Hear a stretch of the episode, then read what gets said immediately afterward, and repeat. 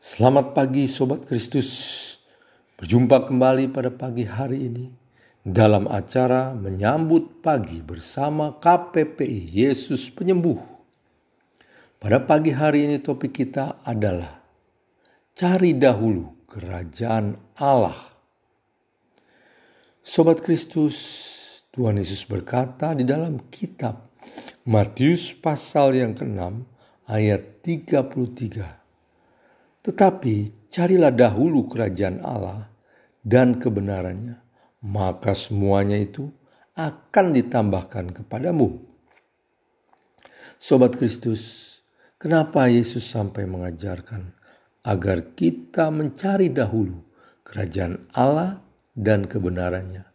Maka semuanya itu akan ditambahkan kepada kita.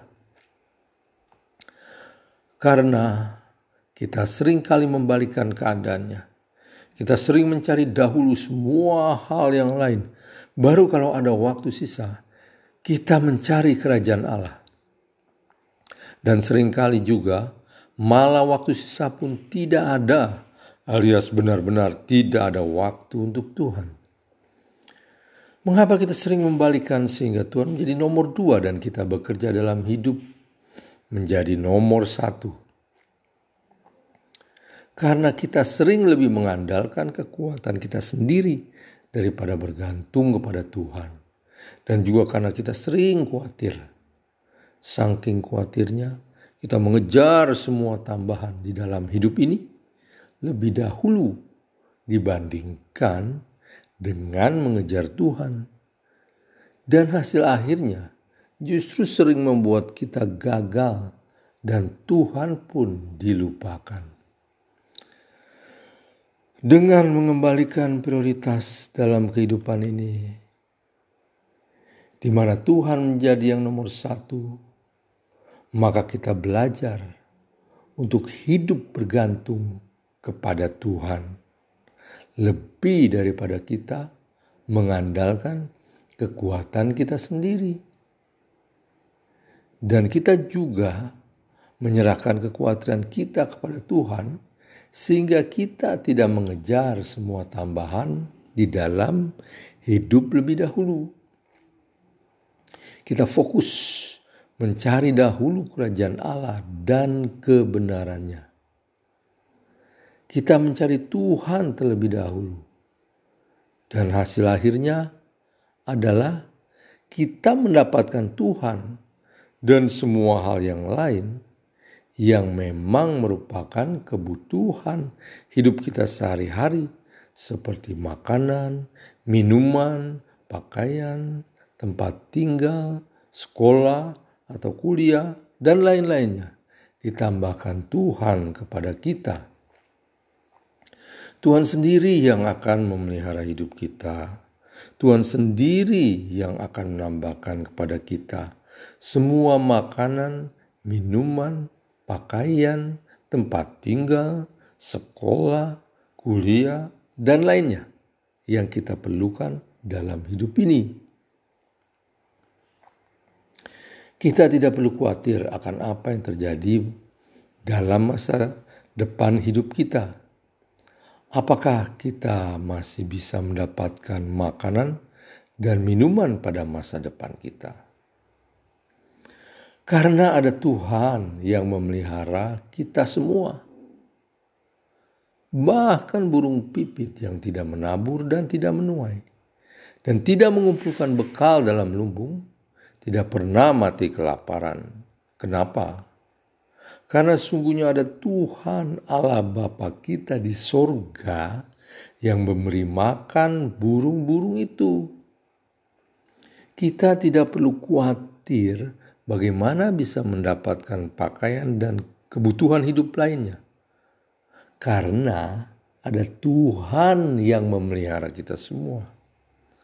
Bahkan bunga bakung yang di ladang, mereka tidak bekerja dan tidak memintal, tapi mereka bisa tumbuh dengan segala warna-warni yang begitu indah dan spektakuler, yang bahkan Raja Salomo saja dalam segala kemegahannya pun tidak pernah berpakaian seindah salah satu dari bunga itu. Karenanya sobat Kristus, mari kita jangan khawatir tentang apa yang kita makan dan minum, apa yang akan kita pakai, di mana kita akan tinggal. Karena ada Tuhan Yesus yang memelihara hidup kita. Mari kita cari dahulu kerajaan Allah dan kebenarannya, maka pastilah semuanya itu akan ditambahkan kepada kita oleh Yesus Kristus, Tuhan yang memelihara hidup kita. Dan bagi saudara-saudara yang mendengarkan acara ini, yang merasa hidupnya masih belum berjalan hidup bersama Yesus. Datanglah kepada Dia, mohon pengampunan atas dosa-dosa. Buka hati dan undang Yesus untuk menjadi Tuhan dan Juru Selamat. Bagi saudara yang rindu untuk menjadikan Yesus sebagai Tuhan dan Juru Selamat, mari berdoa. Ikuti doa saya. Tuhan Yesus, pada pagi hari ini, aku datang kepadamu. Ampuni dosa-dosaku. Aku membuka hatiku. Aku mengundang kau masuk ke dalam hatiku. Menjadi Tuhan dan juru selamatku pribadi. Terima kasih Tuhan Yesus. Pagi hari ini aku percaya aku telah menjadi anakmu. Di dalam nama Yesus. Amin. Saudara yang telah berdoa, maka sekarang Yesus telah menjadi juru selamat dan Tuhan Allah di dalam hidupmu. Dialah yang memelihara hidupmu. Yesus tahu segala persoalanmu. Dia juga tahu apabila saudara sedang sakit. Dia Tuhan yang menyembuhkan semua orang yang sakit. Bagi saudara yang sakit, mari kita berdoa. Tumpangkan tangan atas bagian tubuh saudara yang sakit.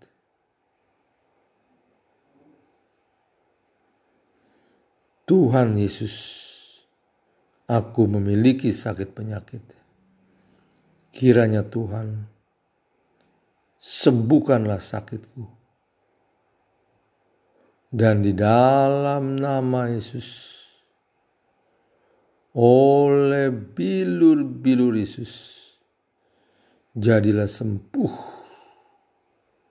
Di dalam nama Yesus oleh bilur-bilur Yesus. Jadilah sembuh di dalam nama Yesus. Amin. Sobat Kristus, pandanglah kepada Tuhan dan pandanglah akan kasih Tuhan. Ingatlah akan Tuhan. Sepanjang hari ini, di mana saudara melakukan aktivitas saudara. Sambut pagi hari ini dengan sukacita. Jangan berjalan sendiri, berjalanlah bersama Yesus, Tuhan yang memelihara hidupmu. Selamat pagi, Sobat Kristus. Sampai berjumpa pada acara yang sama besok pagi. Tuhan Yesus memberkati.